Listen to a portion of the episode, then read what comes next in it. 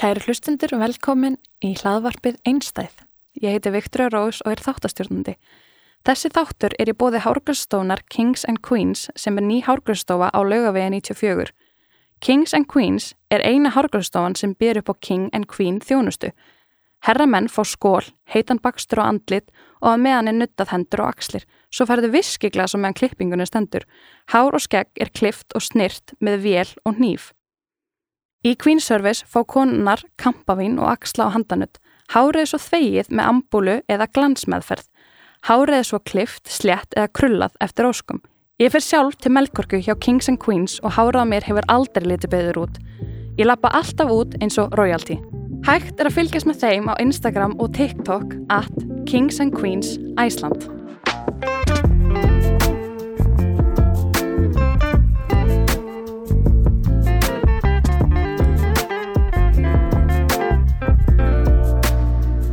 Þá ætlum ég bara að bjóða Fanney Rún velkomna til mín. Takk fyrir það. Hvað segiru? Bara mjög gott. Er það ekki? Jú. Herðu, vilt þú kannski byrja á því að segja hlustunum okkar aðeins frá þér? Já, herðu, ég heiti Fanna eins og þú sagðir. Já. Uh, ég er einstæð móðir Ok. og ég á strák sem að heitir Mattias Haugur sem að verður einsás núna í næsta mánu eða oktober. Já. Og við búum saman á Selfossi. Ok. Búið þið bara tvö einn? Já, eða ekki akkurat at the moment. Ok. Uh, pappi hans, sem sagt batsfæði minn, Já. hann býr heima hjá okkur. ok. E- Eru þið sem saman eða ekki saman? Nei, við erum ekki saman. Við erum ekki í sambandi. Ok. en hann býr heima hjá okkur og hann er í fæðingarólu ég byrja að vinna Ok. ég veit Þetta, ég hef aldrei hitt svona þar. nei Að maður búið bara með barsfæði sínum og ætlar hann að vera hjá okkur til frambúðar eða? nei, hann ætlar að vera heima hjá okkur þangar til í desember Ok. Þá er fæðingarólu hans búið. já, Já, já, já. þá flytur hann bara aftur í bæn hann Ok. er heima í bænum sko. Já. en hann ætlar að, hann bara er í gestaherbygginu Ok. og ég er bara í hjónaherbygginu og, og Mattias hann er bara í sínu herbyggi þannig að við erum bara fjölskylda sem er samt ekki fjölskylda, jú, við, Eh. eða þú veist Já, þeir eru svona, þeir eru svona, uh, þeir eru fjölskylda já, en í sigur herbygginu. já, Ok. Mjög áhugavert, ég hef ekki heyrt þetta áður. En Nei. þið látið að virka, það virkar alveg eða alveg ekki. 100% Já, og já, já. þú veist, við erum bara rosagóða vinir og samskiptin okkar eru rosagóð, það er náttúrulega það sem skiptir máli Já, það er ástæðan sérstaklega fyrir því að við Matthías. já, en þú veist, það er ástæðan fyrir því við getum búið saman er út því að samskiptin okkar eru svo góð Já, já. Frábært. mér finnst það frábært Og hvar vinnur þú? Ég vinn í grunnskóla á Selfossi. Sönnuleika skóla.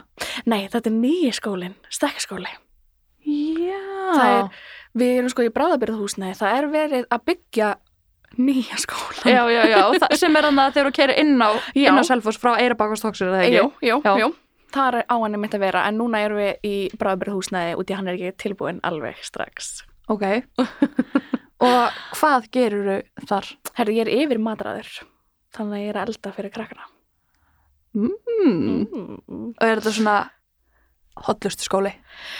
Hotlistu skóli. Æ, þú veist, maður heyri bara svona, ég veit að sýst, sýsti minni og litla bróðum mínum er það banna að koma með sigur og það er alltaf bara svona Já, Heilsufræði. Ég, heyrði- við- ég var einmitt að tala um það við þau í skólanum í dag út í að þau voru eitthvað svona, heyrðu, leiðið krökkunum að koma með enga þykni í skólan og ég bara, heyrðu, þú veist, þegar ég var lítil þá mátti ég bara koma með það næsti sem ég vildi koma með. Já, ég kom upp með pönnugur í grunnskóla, sko. sko.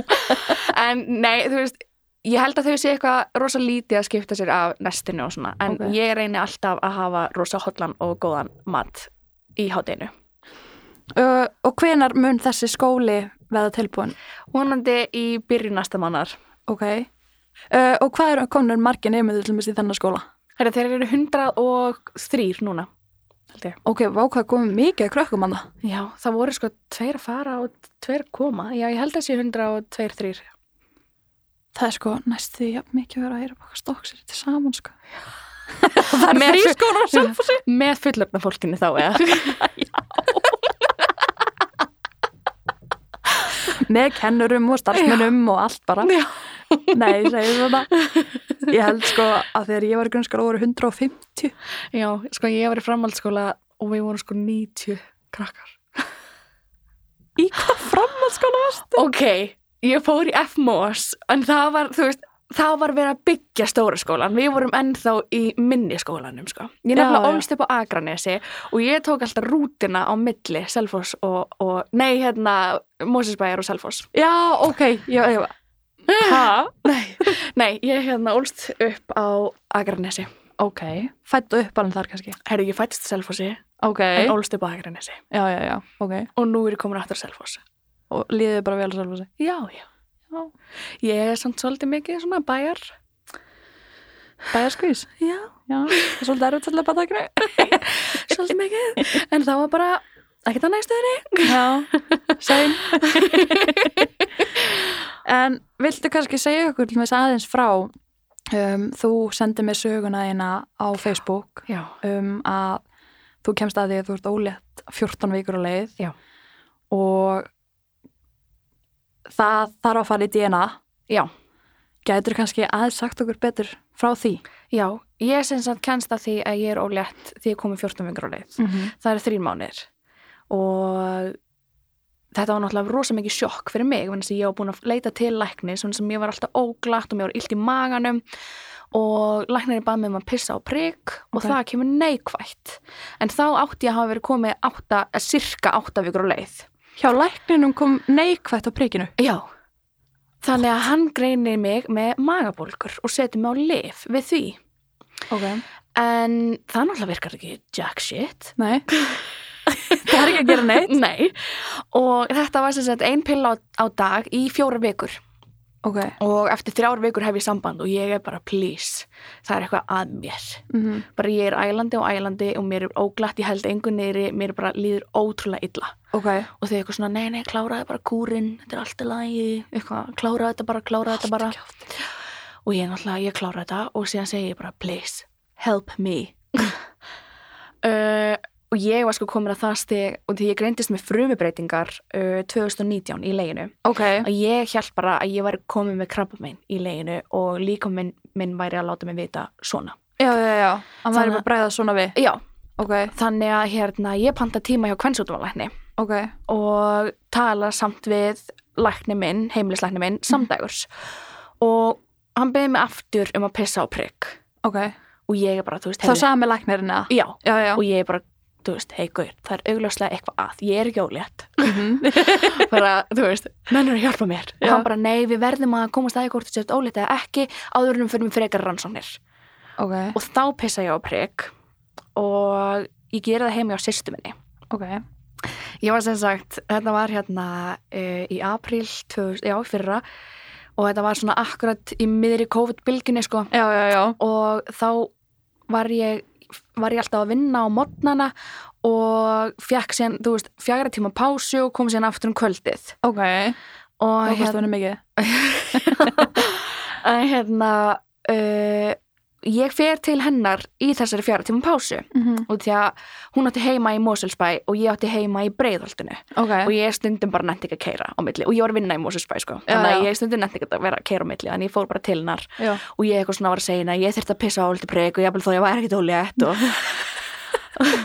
og ég fyrir hann á bað og ég pissa á pregið og set uh, prófið á pappir og lapp fram Ok, og þegar ég er að lappa fram þá koma þá kemur, þú veist, setna strikið í ljós og það var mjög svona vægt já, já, já.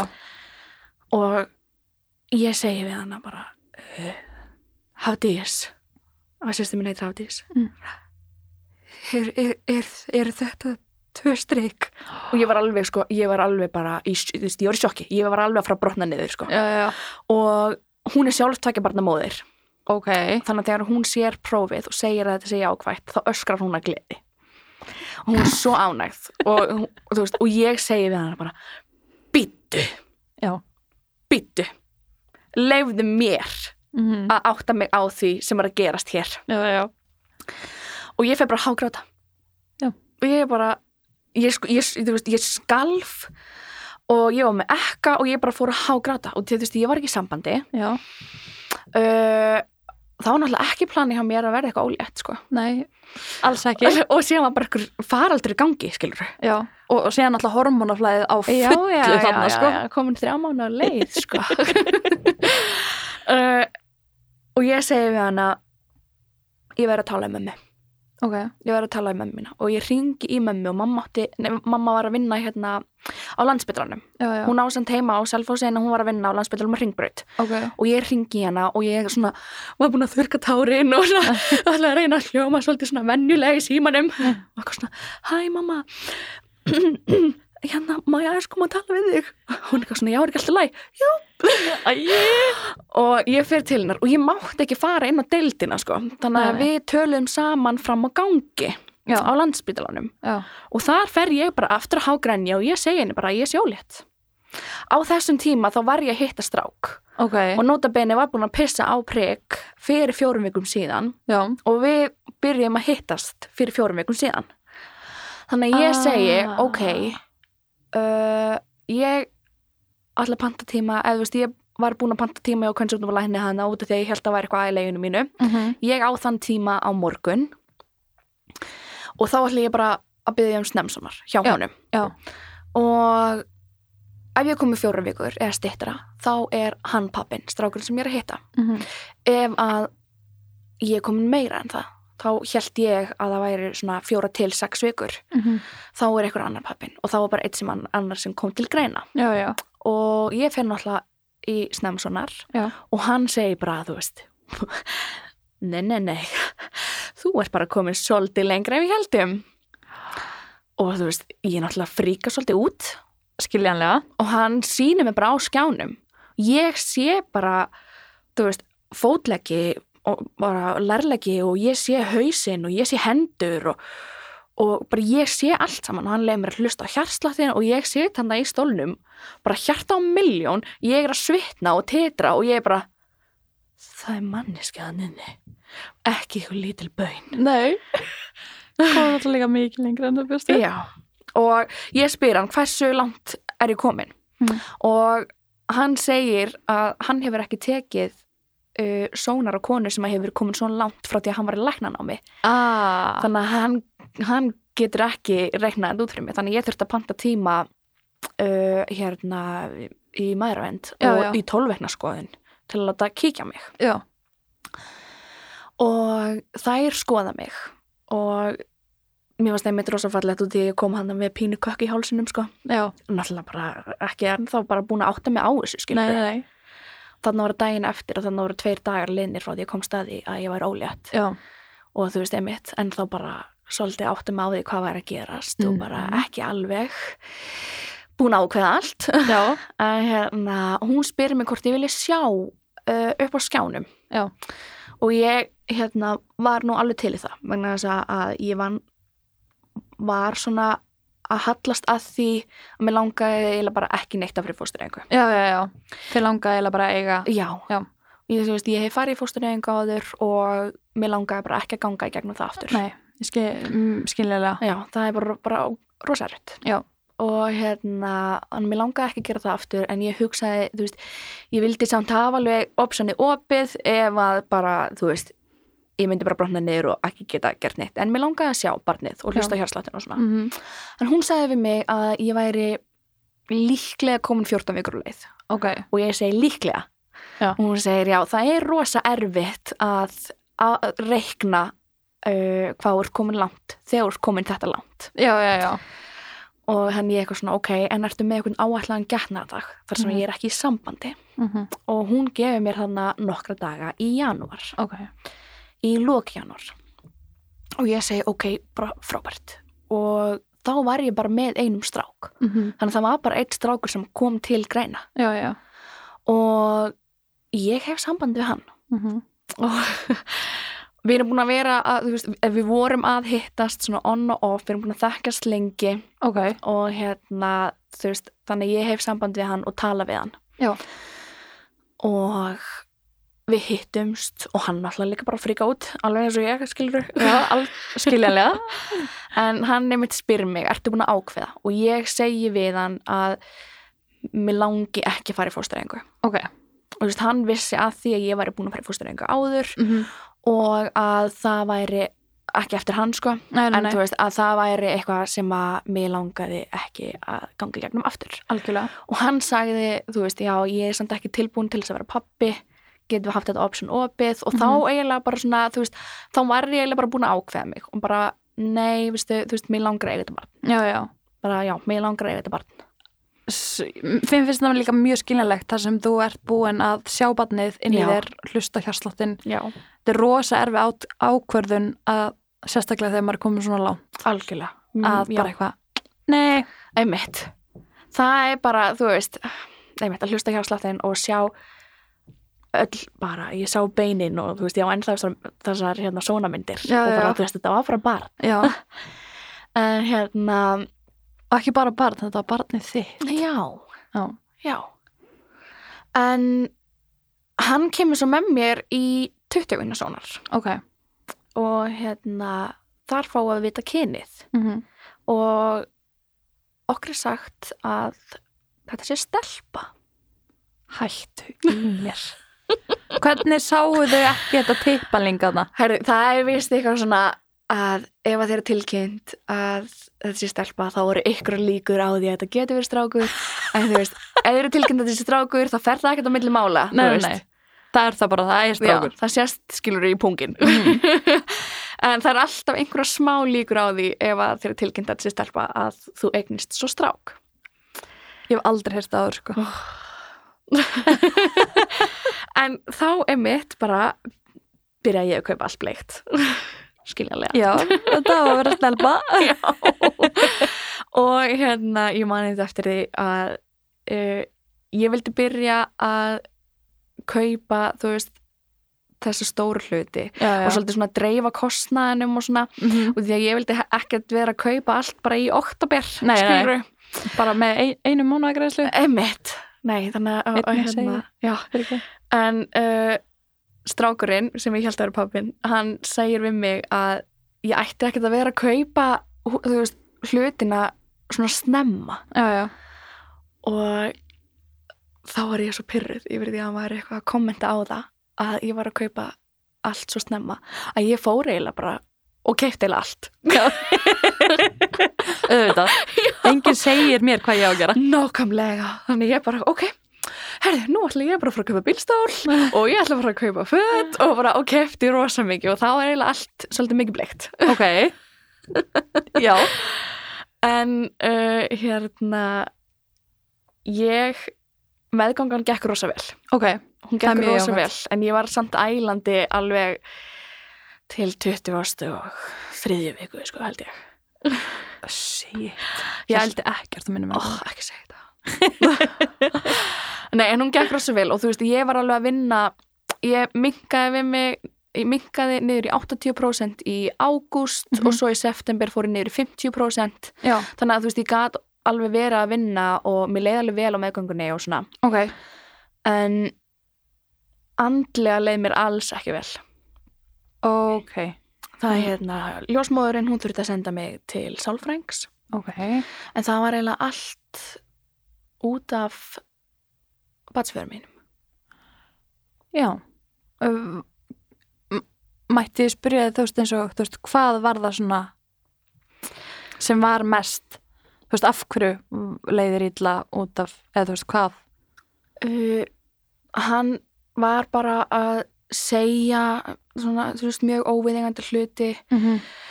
og bara, hann var að láta mér liða rosa illa og Ókei. Það hérna, var bara andlega. já, mikið andlegt ofbeldi og sem að ég er að mitt áttaði mig á bara, þú veist, bara fyrir nokkru mánuðin síðan hvað hann beitti mig miklu andlega ofbeldi og líka bara hérna þegar vorum að hittast.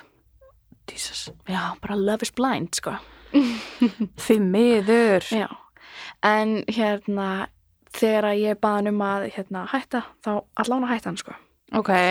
Þakklátt fyrir það, sko, en ég þurfti samt alveg að halda áhrif mjög sálfræðing, sko, út í að, hérna, mér leiði ekkert vel. Nei, nei. Þetta er náttúrulega búið að íta neikvæðum orðum í hausuna á þér og Já, þá eru bara einmitt. neikvæð orð í hausuna á þér. Nákvæmlega. En ég flytt svo heim til mömmu minnar ok og stjúpappa minns uh, í september mm -hmm. og á Þannig að mánuði fyrir já, Já. já, á Selfoss og þá er eiginlega akkurat þriðja COVID-bylgjan að byrja mm -hmm. og ég kom inn ykkur að 36-7 vikur á leið Mhm.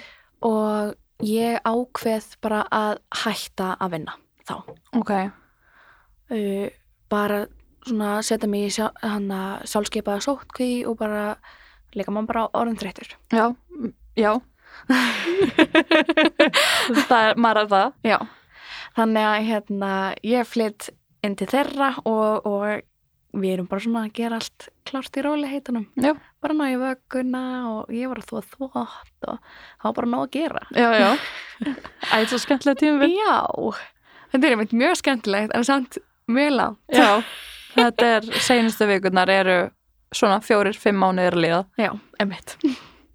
En svo gerist það að hérna hríðan að byrja hjá mér. ok, En ég var í hríðum í 47 klukktíma.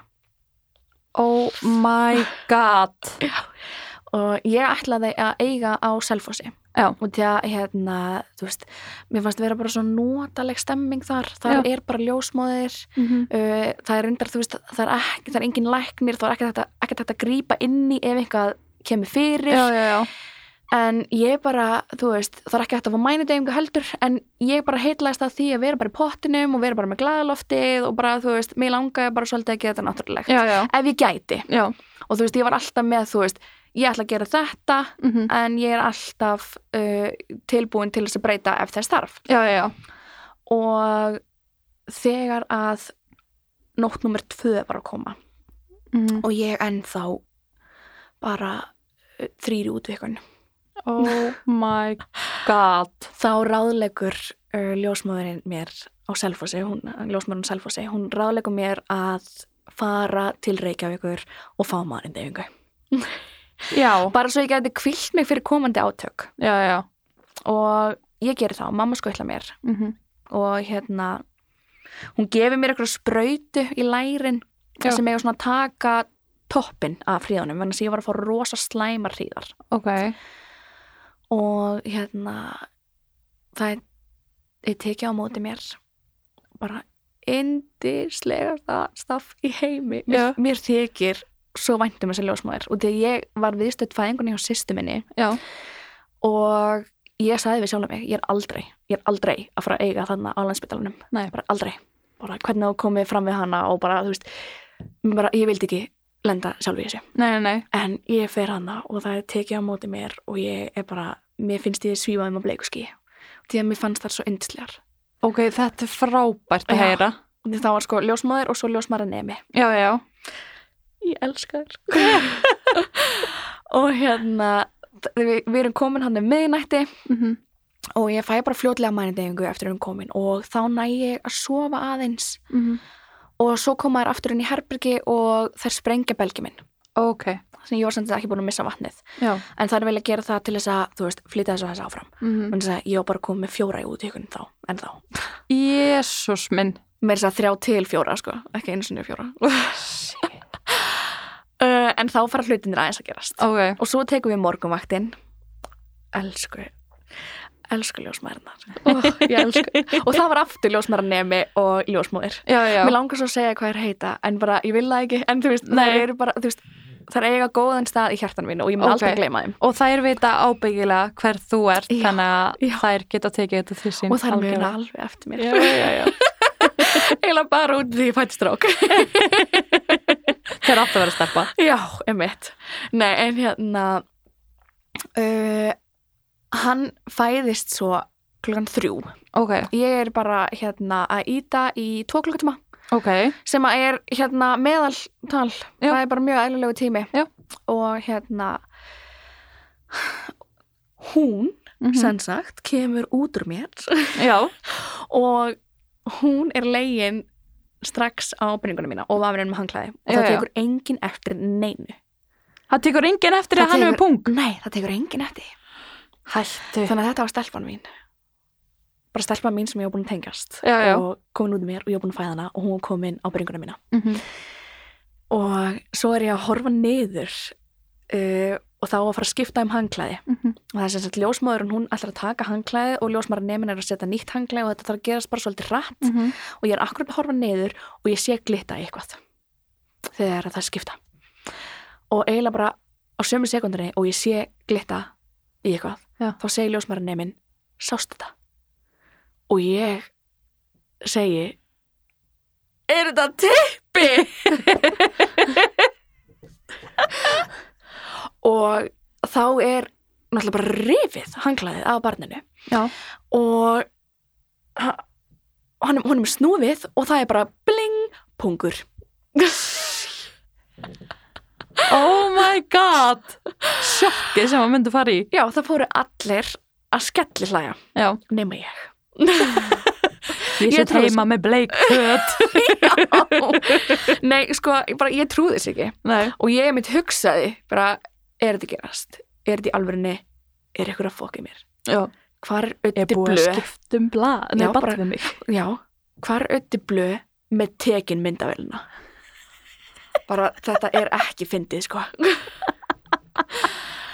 um, en þú veist ég er náttúrulega, þetta er bara strákurinn minn í dag sko. já en svo þegar ég er að fara að fæða fylgjuna Ok, þá uh, byrjum mér að blæða og ég missi rosalega mikið blóð ok ykkur næstu í 2 lítra Ha? og, já, og árin ég veit af þá eru komnar uh, sex ljósmaður í kringum mig og einn læknir á hliðlínuna og ég man sko ég man ekki eftir því en ég var ennþá með uh, Mattias og brengunum minni Mhm. og ég segi að ég segi upphátt getur einhver tekið barnið af mér Mhm.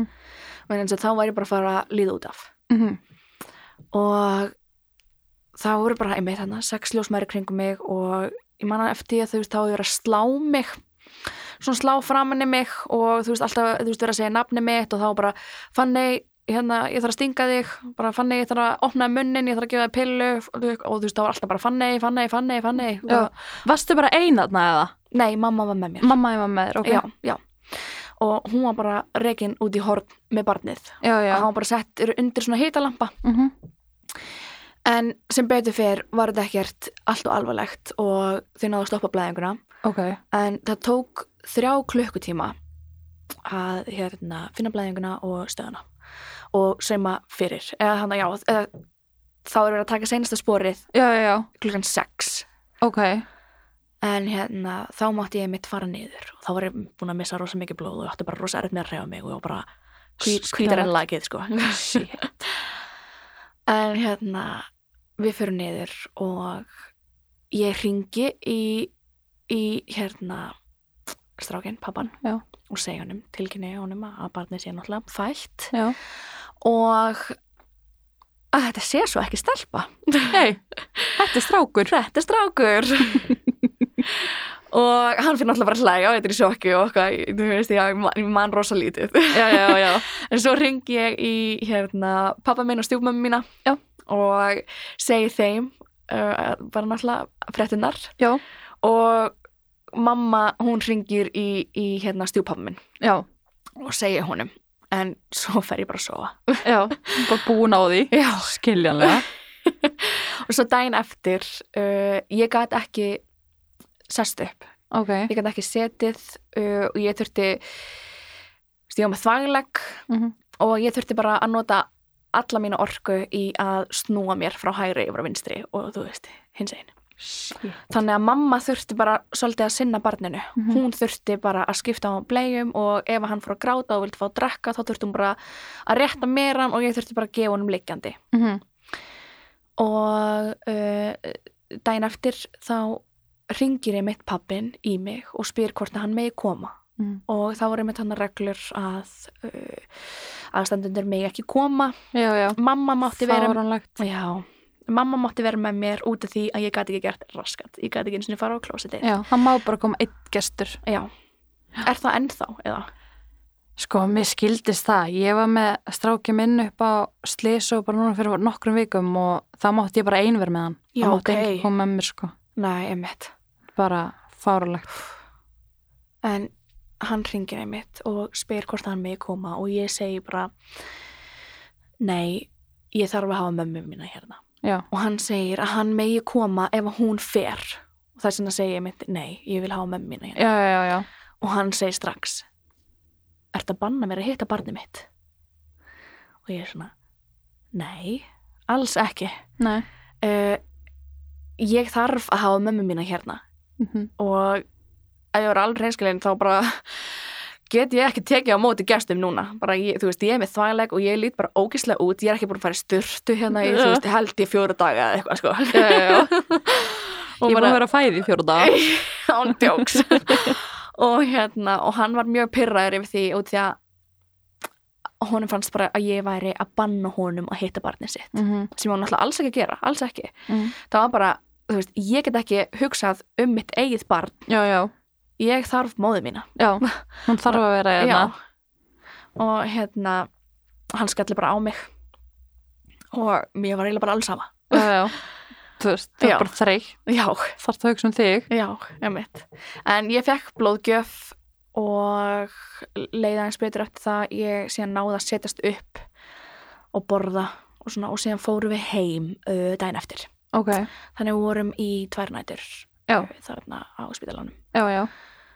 og svona korteri eftir að ég er komin heim þá kemur hann Ok. uh, og þú veist, ég var, ég var alveg búin að segja hann um að hann mætti koma, Já, já. en hann kemur, já, mitt bara svona, leggum við korteri eftir að ég er komin heim á spítalunum Já. og hérna hann náttúrulega heldur á barninu Já. og svo vorum við búin að tala um það að fara í DNA-próf Ok. bara til þess að hafa allt uh, á borðinu, Já, já. vegna sem við vorum ekki í sambandi Já, já. og og þú veist, jafnvel þó að hann var svo eini sem að kemur til greina að þá vildum við bara hafa uh, allt á borðinu Já, já. og hann tekur DNA-próf, ég pantaði sem sagt DNA-próf, eða hann pantaði uh, frá Danmörku Já, já, já. já. þetta er svona dnatest.dk Ok. og hérna, ég var að afla mér upplýsingar um þetta út, ég mér langaði svolítið bara að fara í gænum síslumannin til þess að Mhm. hafa þetta alveg svona legit Mm En þegar ég talaði við landspílaran hann og meðan ég var ólétt þá sögðu þau að uh, þau notuðust oft við þessi próf Já, þegar þau þurft að fá hraða útkomi. já, já. Þannig að þetta er alveg 100% Já. þessi próf. Já. Þannig að hérna, það er bara tekin stroka úr uh, kinninni eða þú veist Já, innan, munnvik. innan, já, munnvikið, takk. Já. Uh, bæði á barninu og pappanum Ok. og sín er þetta bara svona sett í bara sér poka og mert og sín er þetta sendt út Og kemur bara blað með sem þú átt að Já, skrifa. já. já, já. og alla leiðbendingar koma með og hérna og þetta te- tók mjög fljótan tíma sko. Ok. þannig að við vorum komið með svar uh, viku setna þannig að hann var Vá, orðin hvað það fljótt. já, hann var orðin þarna ekki einu sinni tveggja veikna sko. Nei, nei, nei. en uh, hann sendir mér screenshot klukkan 6 um morgunin þá er ég nýbúin að gefa Mattiasi Já. og er bara að fara að sofa aftur uh, og hann sendir mér screenshot að niðurst, niðurstöðunum Ok. og DNA-prófið kom neikvætt út Hættu. þannig að hann var ekki pappin Hættu. og upplýsingarnar að þú veist þetta kom allt á dönsku og ég eitthvað svara honum og ég segi bara býtu, býtu, ertu ekki pappin og hann sína mig og ég eitthvað svona býtu, hvað er í gangi, bara hvað er að gerast hvað er að gerast, bara þetta getur ekki verið bara það þarf að taka nýtt próf og ég fer sko fram og ég vek mömmu og ég bara, þú veist, ég gat ekki beðið ég Nei. segi bara, fyrirgeði mamma, fyrirgeði segi vekið en bara, uh, ég held að hann sé ekki pappin bara, er það rétt, er nennar að lesa þetta, er, er hann ekki pappin ég voru í sjokki, ég voru í sjokki Oh my god. og mamma var bara nei nei, hann er ekki pappin og ég settist og ég var orðlaus og mér náttúrulega sko já, ég var orðlaus mér leið illa ég skammaðist mín vegna þess að- að ég þurfti svolítið mikið að vera sannfæra hann um alla meðgönguna, um að hann væri pappin Já, já. þurftum að fara til fjölskylduráðgjafa Mm. og þú veist ég er náttúrulega líka að fara til sálfrængs Já. og út af honum og sem kemur bara í ljós að hann er ekki pappin og hann var bara að valda mér svo miklu mannlíðan þegar að hann hefði ekki eins og þurft að valda mér mannlíðan Nei, nei, skilurðu. nei. þannig að ég bara, mér leið illa og ég ég skammaðist mín svo mikið Og Ég er eiginlega bara, ég veit ekki einu sinni hvað ég get sagt. Sko. Og því Þetta að- er ræðilegt. já, út í að alla meðganguna held ég að hann væri pappin Já. og barni fæðist, ég held að hann sé pappin og þú veist það var ekkert annað sem kom til greina, skilur Nei, nei. um,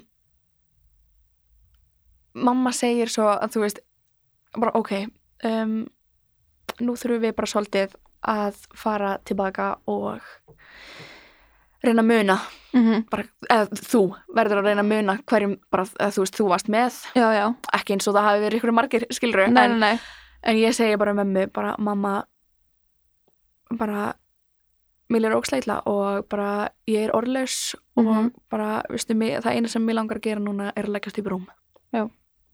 og ég lagast upp í rúm sko, því að hann, hann var ekki að svara neinum skilabóðum frá mér sko Ok. strákurinn og ég setti bara síl, eh, síman á dúnætti störp Mhm. og ég lagðist bara upp í rúm en ég lá bara andbaka mamma tók Mattias fram og því að hún vildi náttúrulega bara lega mér aðeins að- að hérna Melta allt sem Já. er búður í gangi maður. já og en þú veist ég er náttúrulega lá bara hann að andbaka og ég var bara að reyna að muna Já. bara ok, ef hann er ekki pappin hver er þá pappin?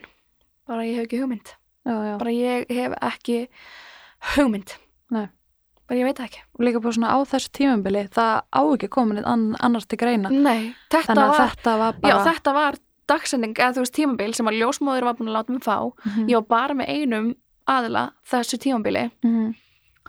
og það, hann var svo eini sem að kom til greina, hann var svo eini sem að ég var með Já, já, já.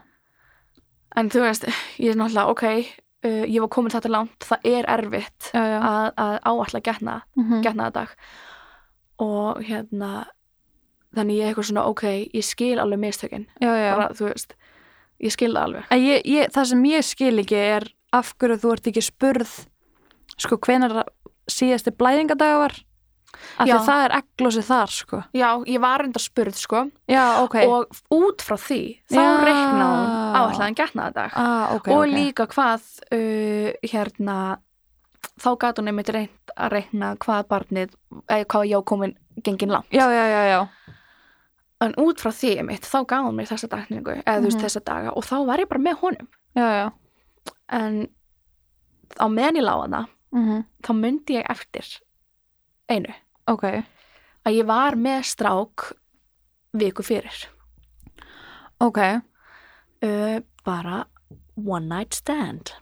mm, Klassíst Já, ég fór sem sagt uh, á Kahootkvöld með Saint Junior Ok í Mosfellsbæ Já og þá var verið að fá sér Þetta sýsti mín vann Ok og það var bara verið að, sp- að hérna, splæsa í náttúrulega eh, bjór og, og því að hún vann Mhm. þá fekk hún fullt af áfengi í velun líka þannig að maður var bara, þú veist, maður var að drekka aðeins þannig að mm á barnum Það er sem finna á sér en sýsti mín setur sko þú veist, sem notendarnafni sitt símanúmer mitt mm -hmm. og er á lausu ah. þannig að ég fæ skilabóðsend þannig um kvöldið Já, og við förum síðan heim saman ok Crazy wild night In Moselsbær Já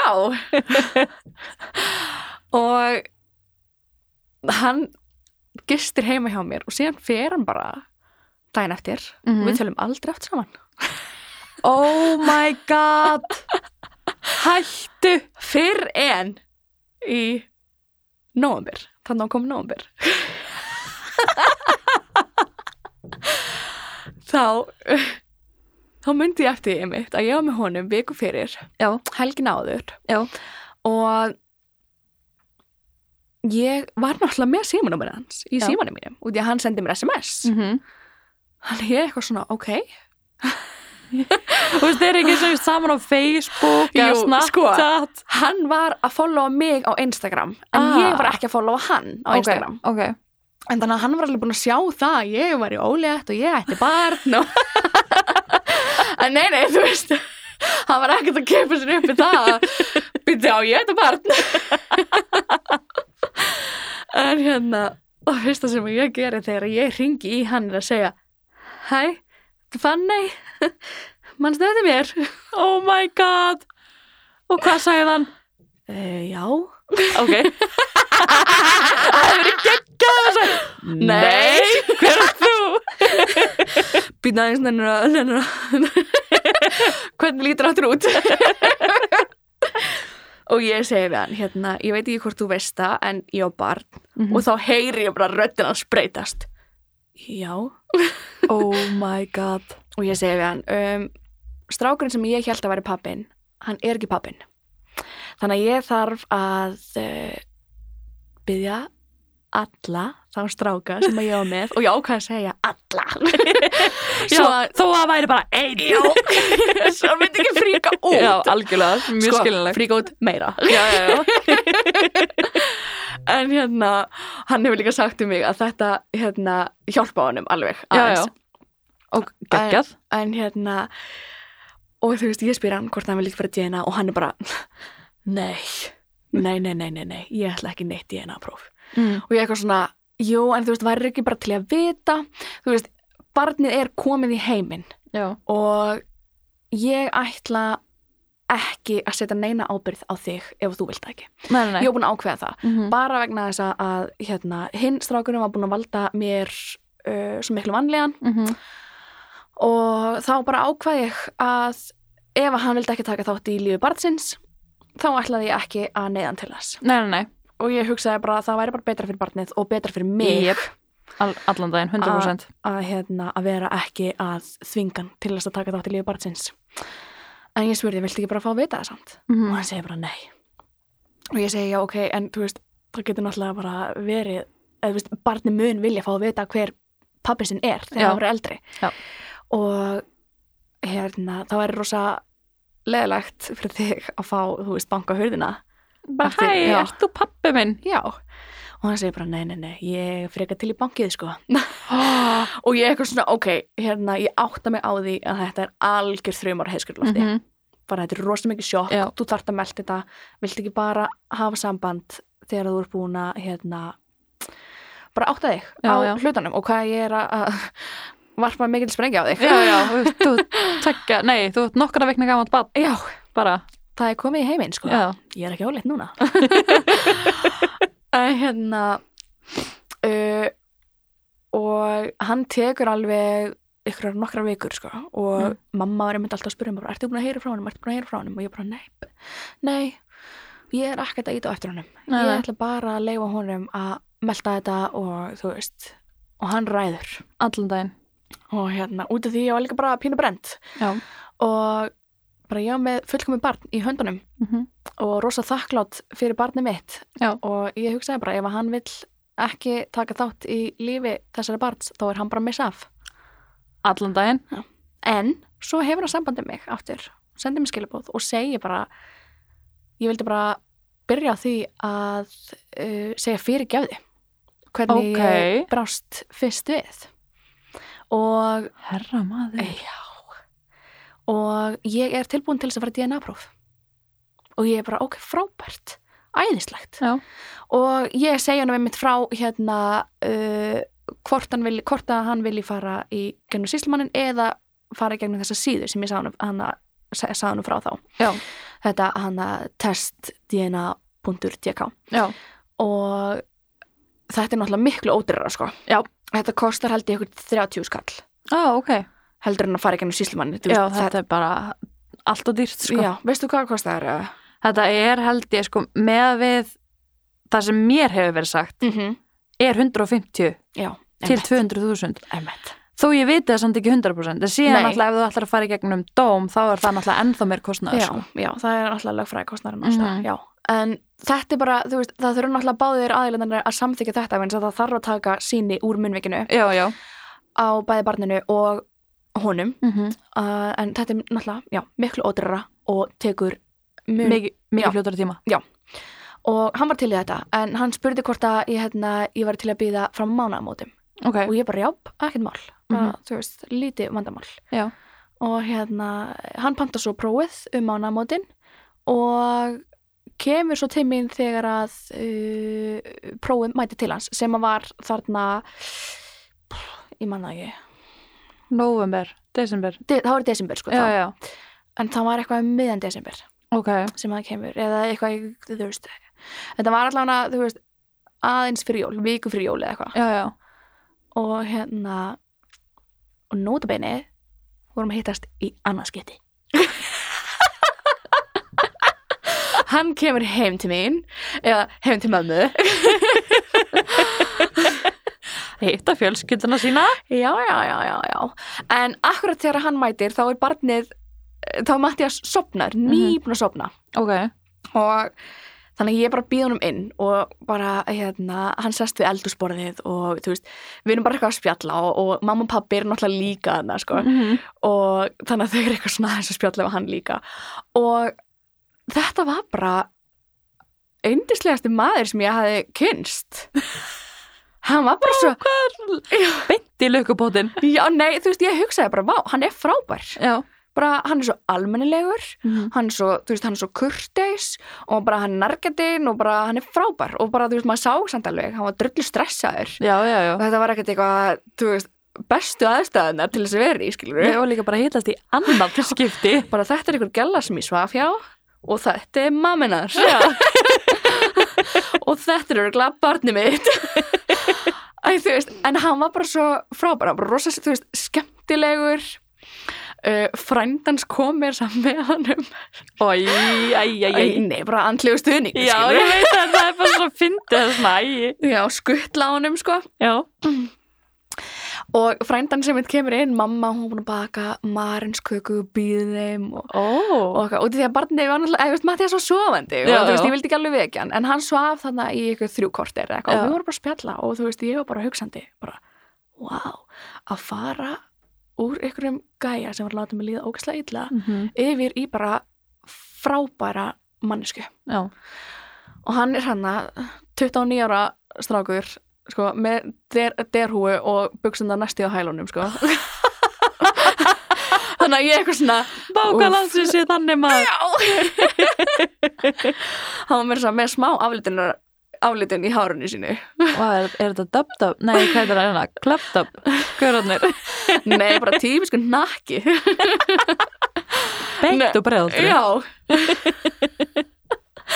Nei, þannig, að- Joke. þannig að ég eitthvað svona hugsaði bara shit, hvað er ég að koma mér út í og inn á já.is, þá stóð mér þess að atvinni djammari þannig að ég var drullur hrætt sko um að þetta væri bara einhver low life gæi atvinni djammari, allar myndirnar á Instagram þá er hann með bjór í hendinni að segja mætir hann til mín og hann er bara yndislegur ég er náttúrulega þekkt hann ekki neitt Þannig að nefnilega getur samfélagi blekt mann rosa mikið, Nefnilega, sko. Nefnilega, Nei, samfélagsmiðlar segi ég. já, og vá, ég skildi þið samt bara samfélagið Nei, En þú veist, hann var bara svo frábær og mamma var líka bara Vá, ég elska þig Og hún með þess að sagði við hann þegar að, hérna, neða sagði við mig eftir að hann var fó- farinn Hann má alveg vera tengd að svona minn Og ég er svona, ok, mamma bara Æ. takk En það tók svolítinn tíma að fá úr prófinu bara út af því að það voru hann að jól já, þannig að það var ekki komið úr prófinu fyrir en hérna uh, fyrstu vikuna í janúar ok en það sem að mamma sagði sko, þú veist, þarna var náttúrulega Mattias orðin uh, tvekja manna gamall Mhm.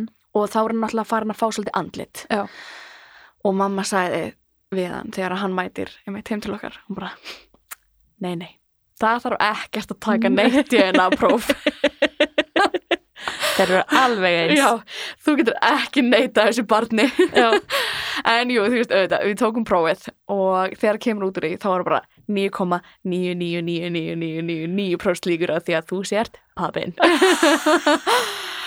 Og Vá. hann sendi mér einmitt screenshot af þessu og hann var bara hoppandi glaður Hann var svo Æi. ánæður og ég var einmitt rosa hrætt, við vorum búin að vera að tala eitthvað aðeins saman hérna Uh, þú veist, já, bara tala örlítið saman hana Mhm. og þú veist, ég var einmitt að segja við hann að hérna, var aðeins að senda honum einhverjar myndir og var að segja honum að mér fyndist rosa leiðilegt ef að kemur ljósa hans í pappin að þá var hann búin að missa af alveg, þú veist, allavega tveim mánuðum. Tveim mánum, já, og, Og og hann hann- allri meðgöngunni. Já, emmitt.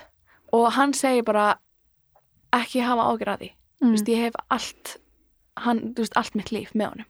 Æ, Já, og bara, og þú veist, og þá bara fæ ég að vera ennþá meira með honum já. þegar að kemur í ljósa. Og þú veist, hann var reyla bara á því að hann væri pappin. Draumi!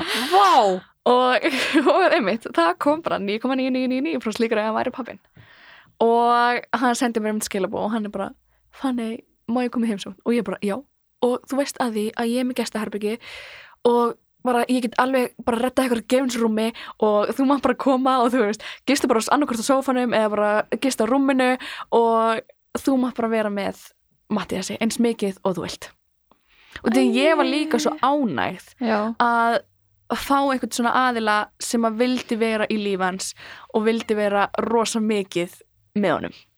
Þannig að hann sendi mér einhvern skilabó og spyr hvort að hann megi koma í heimsókn og spyr mér þess að hvort hann megi bara vera alla helgina. Æ, Já. Og ég segi bara já, þú ert meira en velkomin. æ, hvað þetta er jákvætt. Og þarna var ég sko komin, þarna var ég flutt í mitt eigið hús, Mhm. húsnæði þarna.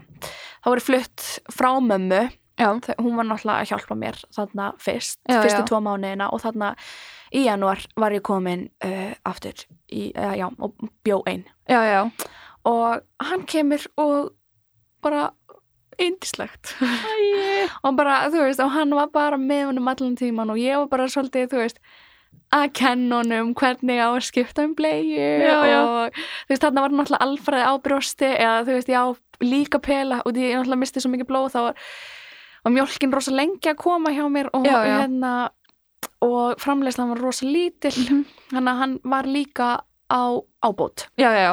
þannig að ég lefði honum alltaf að gefa honum pelan og, og þú veist, þannig að þeir náði að tengjast rosa mikið og hann var bara að koma til mín hverju einustu helgi og gista hjá mér alla helgina Já. uh, alveg í nokkra mánuði Æ, hvað það er ógæðslega jákvætt. Já. Og, en þú veist líka bara það að ég, þú veist, við vorum ekki í neinu sambandi á þér. Nei, nei. Við þekktumst ekki, skilur við. Þannig að, að geta, þú veist, að við getum búið saman og það er ekki eitthvað svona særindi eða ósætti, Já. eitthvað svona í fortíðinni. Heldur erum við bara svolítið eins og roommates. Já, þeir eru bara svona að kynast. Þeir eru náttúrulega ekki Já. saman. Nei, eða við erum neitt ekki svoleiðis. saman, nei. Og hann bara býr heima hjá mér. Já, og, þú já. veist, og mér finnst það líka bara allt í læg. Já. En núna svona þegar, eins og þegar þú fluttir út, Já, uh, mér langar aðeins að vita þá, þú veist, hann var þá, hvað, tveggja, þryggja mánuða? já, tvekja Cirka. mánuða, tvekja mánuða, tvekja háls. Já, tveggja hálsmánuða. Já, Og ertu þá að fara í leigu íbúð eða varst að kaupa? leiða. Leia. En, ég var svo frábæra fóreldra. Ó, Þau keftu íbúð. ok. Þau áttu sér satt íbúð í bænum, þau Já. seldu hana og keftu íbúð undir okkur uh, á Selfossi og ég er að borga þeim leigu. Oh my god. Ég, ég á svo frábæra fóreldra. Ég er bara, ég á Vá. svo frábæra fóreldra. Æ, hvað þau frábært. Mhm. Mm Sér líka bara svona, herðu, ég er bara í smá boppa núna, ég á Já. ekki pening, getið þið nokkuð aðeins hjálpa mér. Æ, vá hvað þetta, vá Já. hvað jákvætt. Já. Ég er ógeðsta glöð. Já, ég á svo gott bakland og ég er með svo góðan stöðning úr öllum áttum.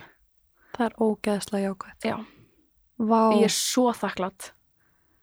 er eiginlega bara, ég er í sjokki. Já, Æ, hvað það en er frábært. það er líka sko að hugsa tilbaka ef það hefði ekki verið fyrir allan þann stöðning og allt það Mhm. bakland sem að ég á, Mm Mhm. ég hefði ekki geta gert þetta. Nei. Og ég mæli alltaf með því að ef að þú ert að fara að eignast barn og þú ert einstæður að vera með góðan stuðning í kringu þig. Jöp. Það Það er skiptir að einu svo sem miklu skiptir máli, máli. sko. Og ég var einmitt sko, ég hitti vinkonu mínar Mm -hmm. um daginn Mm -hmm. og ég var að segja þeim að ég var einmitt að segja þeim frá því að mér fyndist ég ekki vera einstæð móðir vegna þess að ég væri með svo góðan stuðning Já, já.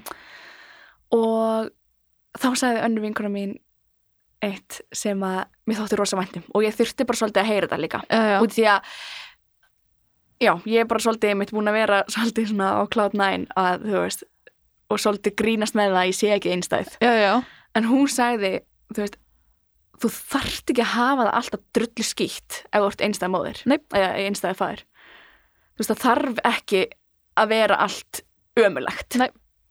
þú mátt alveg vera með góðan stuðning og þú mátt vera með góða, góðan bak, eða gott bakland mhm.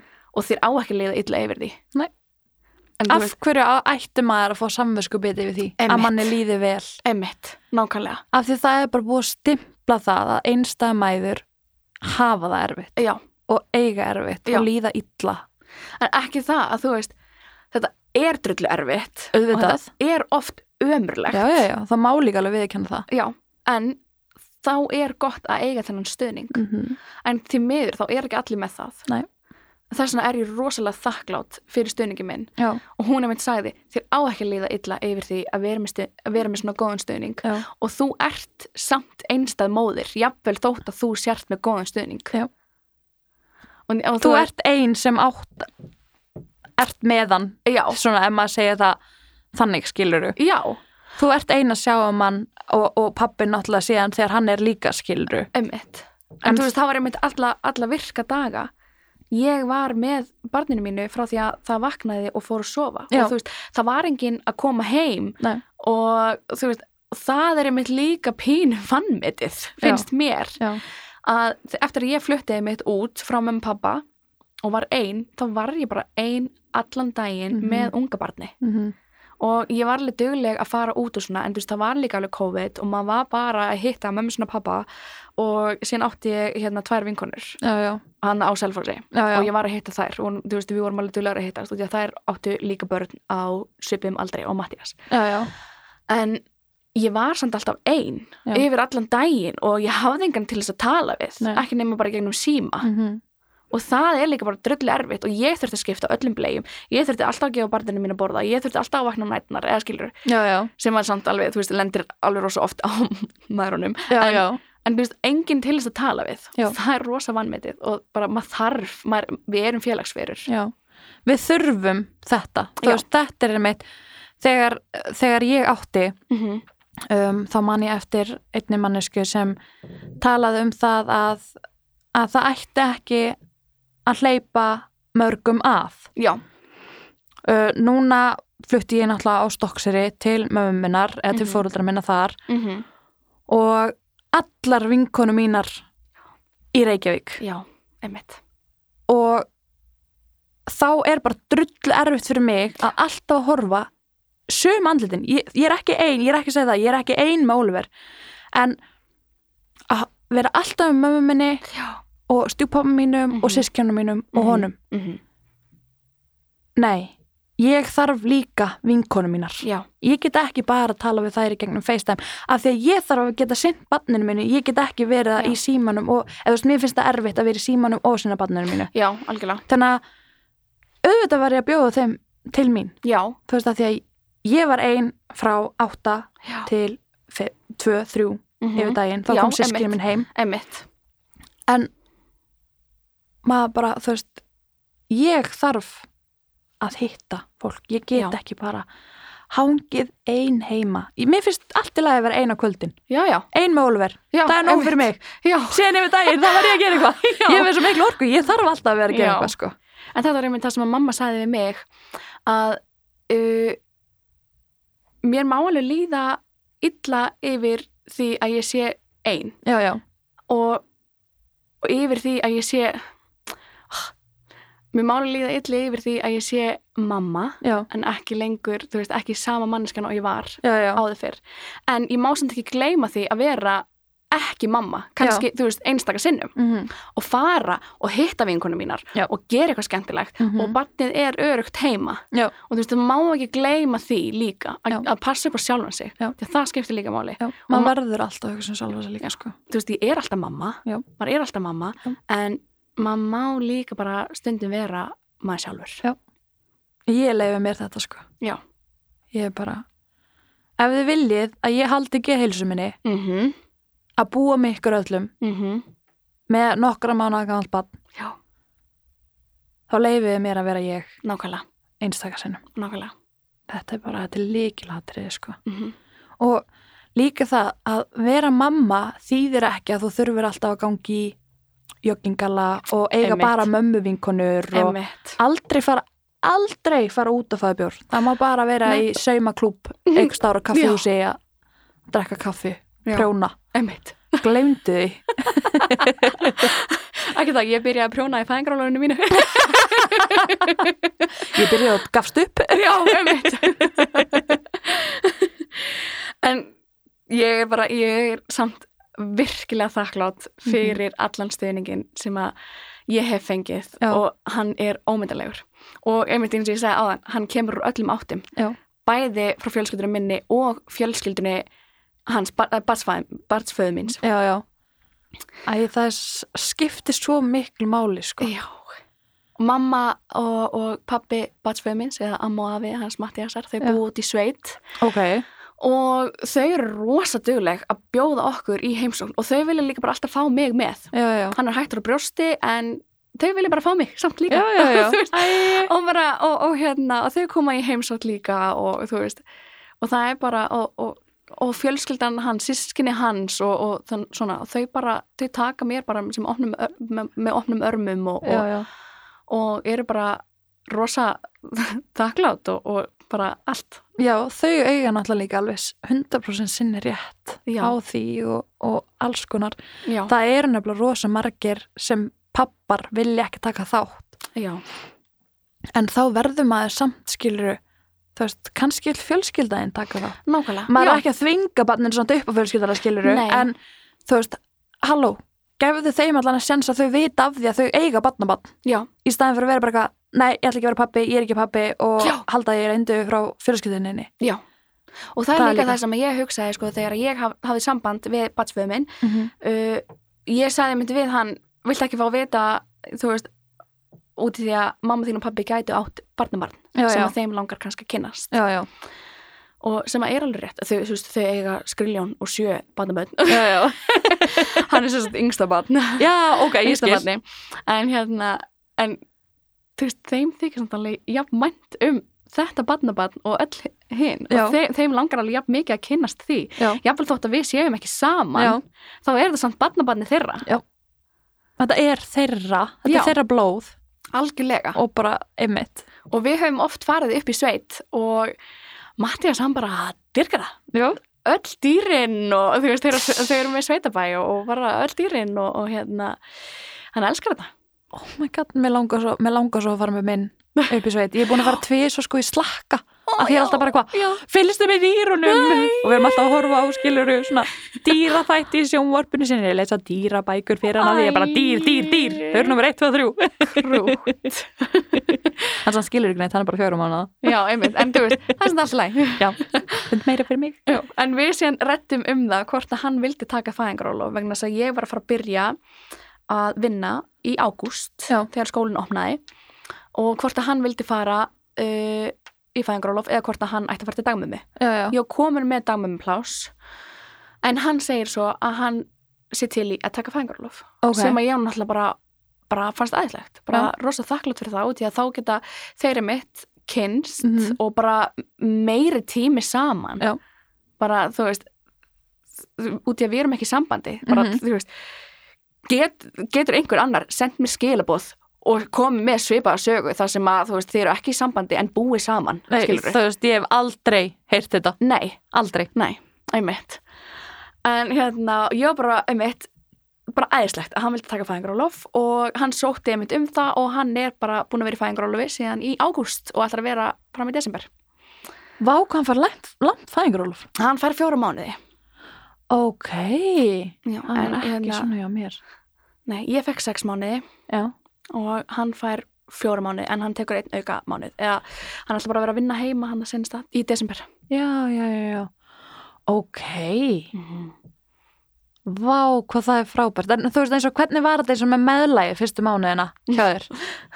Fjekkstu eitthvað meðlæg? Ég fekk svona bráðabirða meðlag, heitir Já, það. já, já. ég þurfti að sækja um það út af því að það var ekki komið á reynd úr DNA-prófunu. Mm -hmm. Þannig að ég fekk bráðabyrðu meðlag og svo þurfti ég að tilkynna uh, fæðingarólofssjóði. Mm -hmm. Nei, hérna, uh, hvað heitir þetta? Síslumanni. já, örugglega. já, uh, tryggingamálstofnun Já, ég þurfti að tilkynna, Tryggingamálastofnun, já, ég já, þurfti já. að tilkynna þeim að hérna uh, DNA prófið væri komið í hús og hann væri pappin Ok, og ég held náttúrulega bara að hérna, eh, hann myndi þá fa- byrja að fá rökkun en svo var ekki þá, og þú veist, ég já, var búin að sækja um meðlag og Já. láta vita að hann væri pappin en þeir voru ekkert að rökka hann samt jafnvel þótt að ég væri búin að láta að vita að hann væri pappin þetta var rosa skrítið þannig að hann var að fá núna í byrjun mánadar var að nei, rökkun 400 skell frá öllum þessum mánuðum, já ert að djóka, Nei, vá þú veist- hvað þetta er lengi að fara í gegn. Já, en, en, en þú veist, þetta hefði átt að vera löngu komið. Já, þú ert löngu búin að tilkynna inn. Já, og einmitt, ég tilkynnti bara þegar að hérna uh, DNA-prófið kom í hús, eða ég gerði það held í februar, bara að þetta væri pappin. Ertu ekki að djóka? Nepp. Og, Þegar sko, mars, april, mæ, júni, júli, ágúst, september og síðan sko hinumánir mm frá Mhm. því í september. mm Eða frá Já, því frá í oktober, október, frá já. því oktober. Já, Oh my god, þetta er ár. 400 skell. Oh my god, og En- þetta á að vera greitt bara einu sinni í mánuði, það ekki? Jú, en þú veist, það er náttúrulega hægt að ræða við tryggingamálstofnun og þeir gefa alveg, þú veist, þeir eru mest bara líbóstofnun sem held ég til er þegar Ok. kemur að þessu. Já, já, Þú bara getur, þessu. já, bara þessu. þú getur í alvörinu sagt við þá, ég get bara greitt 500 kall á mánuði. Já. Og þeir myndi segja, ok, þá greiði þú 500 kall næstu 150 árin. Já, já. Bara í alvörinu, sko. Ég ætla að borga 250 krónur. Já Ok, en þú veist, ég held samt að þú verður að koma með einhverjum mjög góð Já, afsökunar og já. getur bara að borga 500 kall en þú veist, þeir eru rosa uh, skilningsríkir og líbó þegar kemur bara þessu Já, já, já. Æ, hvað það er sann frábært. Já. Og ætlar hann þá ekki bara be- breyti þessu í greiðsendariðingar eða? Jú, hann er bara í sambandi við þá og hérna, hann ætlar eitthvað að skipta þessu niður og eitthvað að greiða Já, já. öðru sig, en þú veist, ég er alveg sem að hann þurfi eitthvað að greiða þá eftir að hann er orðin 18 ára Já, já. en hérna, það er bara setjum tíma vandamál Já, já, það er bara kemur að því þegar kemur að því, sko. Mm. Nákvæmlega Átján ári í þetta. Emmett Emmett Ég, ó, ok, En svo ég er held. bara, þú veist, síðan bara búið við saman og það er bara uh, við skiptum bara pínu matakostnaðinum á millin okkar, ég er svolítið bara í því að kaupa allt á strákinu, ef hann vantar föt eða já, eitthvað, já, en þú veist, jújú, jú, hann hefur alveg, þú veist, þegar hann fyrir út í búð þá kaupir hann alveg bleiur eða, Já, já, eða já. eitthvað, mat eða eitthvað mhm, en þú veist, ég er svolítið í því bara að kaupa einmitt hérna fötin og svona það sem Mhm. hann vantar og, og hérna, og við erum bara að skipta okay. Ok. uh, matakostnaðin á millokkar og því að hann alltaf bara býr með mér já, já. En það gengur samt allt bara mjög vel hjá okkur. Já, Þú veist, það er ekki neitt vesen. nei og bara hérna eh, það hafa aldrei þú veist, það hefur aldrei komið upp neitt svona pyrringur eða eitthvað, eitthvað leiðind á millokkar, við bara, við bara tölum saman og Já. bara, við, það eru góð samskipti Já, og bara við erum rosa líkir karakterar ok, og, það er mjög jákvægt. Já, þannig að þú veist, og við erum mjög sammála uh, þegar að kemur að Mattiasi Ok, uppeldinu, við erum mjög sammála ok. og hérna ef við erum ekki sammála, þá segir hann oft bara svona, þú ræður Æ, en það hefur held ég bara, þú veist, einu sinni geðast eða eitthvað, en þú ræður. já en þú veist, hann var ekkert, ekkert að pyrra sig yfir því, hann bara, ég hef enga skoðin að þessu, þú ræður Æ, þannig að þú veist, en við erum rosa sammála jú, það er reyndar eitt hann ætlar að leiða honum að horfa á bannaða myndir það er hann eldri. já, en ég er bara nei, Má ekki spila bissuleiki heldur. nei veit það. og hann er bara, fann það eru 12 ár í þetta og ég bara, skiptir ekki máli Trúið mér, það verður komið eitthvað annað, Já, önnur hugsun já. þá held ég. örglega, Æ, m- maður samt veit ekki. nei Ég En- veit ekki alveg hvað ég myndi gera. þetta kemur bara svolítið í ljós Já, en ég er einmitt rosa þakklátt fyrir það hversu þú veist, hversu lík bara við erum og Mhm. sérstaklega þetta kemur á honum já, já. og bara, þetta gengur vel Æ, Ég er þetta svo þakklát. ógeðslega jákvætt. ég er náttúrulega bara þetta er náttúrulega different story sko. Já. þetta er finnst mér pín og glansmynd Mm svona þegar maður horfir á þetta Já Þetta er svolítið Þetta er svona upp, niður hliðar vinstri yfir ská já, Þetta er bara eins og alvöru krosskáta þetta er náttúrulega búið að já, vera rosalega mikill rússibani mm rosalega mikill Mhm. kemst að því að þessi ólétt gengin þrjá mánu á leið, átti von á stelpu fæði sér en strák og það var til dæmis líka bara eitt að ég, ég þorði svolítið að viðkenna fyrir sjálfur mér fyrir stuttu síðan Mhm.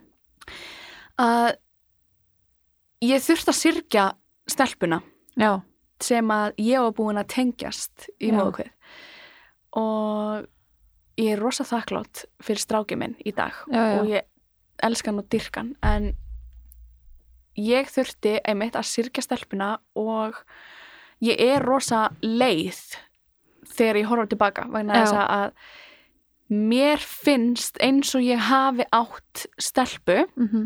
sem að ég hef síðan bara mist Já. þannig að ég hef búin að tengjast við þessa stelpur Já. sem eru neður Já, og sem að ég á svo ekki í dag. Nei. En mér leið samt alltaf eins og ég ætti stelpu, ætti vona stelpu Mhm. og fætti stelpu, þú veist, var með stelpu í fanginu mínu í, þú veist, gott korter Já, já, og svo bara er ég með strák, þetta er náttúrulega alveg svaglilt sjokk sem kemur upp sko. algjörlega. Þess vegna finnst mér eins og maður ætti að kannski að passa sig aðeins þú veist þegar maður er að vinna sem ljósmóður eða svoleiðis Já. Þetta er hlæjaefni setna Já, Þetta er ekki, maður ætti kannski ekki að hlæja bara á staðinu fyrir fram ömmuna þegar maður kemur staði sko. nei, Af því að auðvitað þegar maður er búin að vera með mannesku inn í sér í nýju mánuði Já. og stundum lengur emmitt.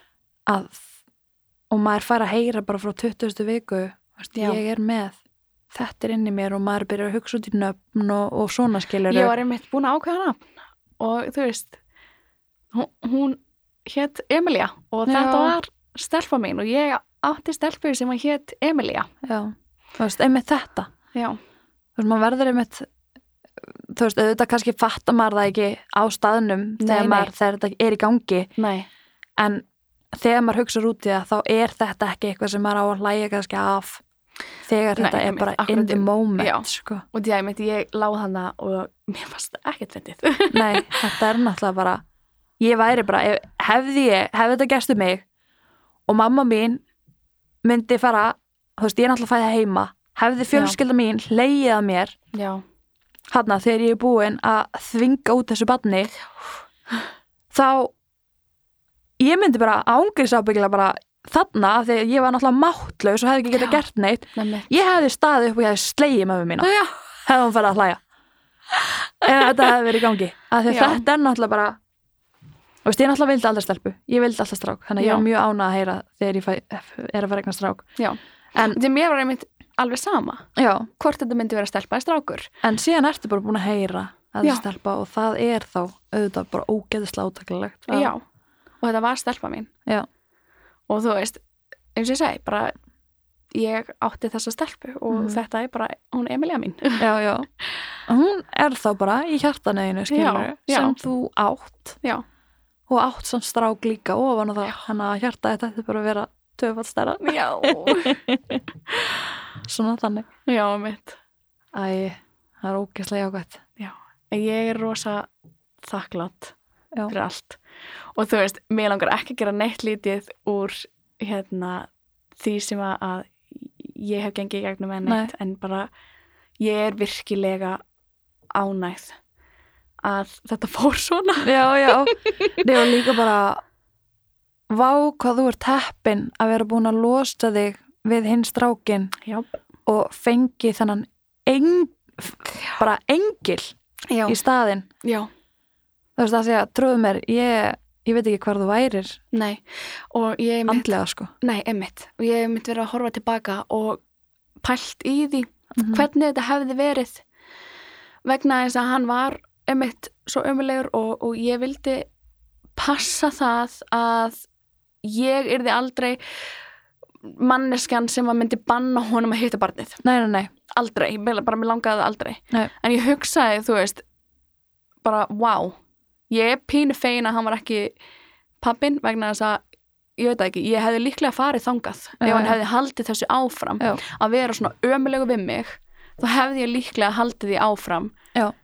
nei, þú veist, þá hefði ég líklega farið þangað að, að bara bannunum að heita bannið Já. að þú veist, ég veit ekki, ég get ekki sagt það Nei. það er náttúrulega bara, það, mér finnst ógislegt þegar að aðilar leifa ekki barninu sínu að hitta fóruldran sinna Já, en ef hann hefði verið svona ógislegur og ömulegur við mig ég veit ekki hvað ég hefði gert nei, þetta hefði náttúrulega bara þurft að vera eitthvað samningsatriði sko, sem myndi fara fram hjá síslumanni sko. já, ég hefði aldrei sko vilja hitta hann ég hefði Nei. líklega alltaf bara farið með Mattias til mömminar og mamma hefði þurft að, að þú veist, vera með þeim tveim saman, Já, eitthvað sko Já, sem er náttúrulega bara bara sumt sumt fólk er bara því miður bara einmitt Já.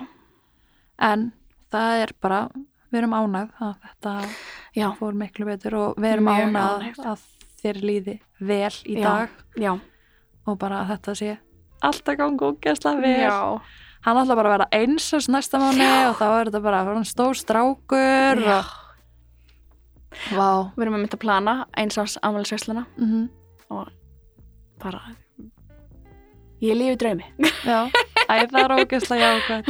Ég laka til, ég ætla að f- fá að fylgja þér á Instagram já, og hvað heitir á Instagram? ég heiti Fanny Rún á Instagram Fanny Rún, mm 2N, auðsónli, RUN. já, Já. rétt Þá ætla ég að fá að fylgjast með ykkur af því að þetta er, mér finnst þetta bara frábær já, endir á sögu, sko. Já. Þú veist að þetta er bara, ég er rosa þakklátt fyrir þetta já. Og þó að þú, einmitt, talir þig ekki, teljir þig ekki sem einstæðamóður, þá ertu samt einstæðamóður. já, það er bara Já. mér finnst þetta frábær hvernig, og- hvernig vingona einn orðaði þetta við já, þig. emmitt þetta skiptir rosa miklu máli nákvæmlega herðu, ég ætla þá bara að þakka þér kella fyrir komuna og hlakka til að fylgjast með ykkur í, í framtíðinni og bara gangi þér ógeðslega vel og gangi ykkur ógeðslega vel Takk fyrir og takk kærlega fyrir að bjóða mér Já. og lega mér að segja söguna mína. bara frábært, ég get ekki beðið eftir að lefa flustundum að heyra takk fyrir Takk fyrir.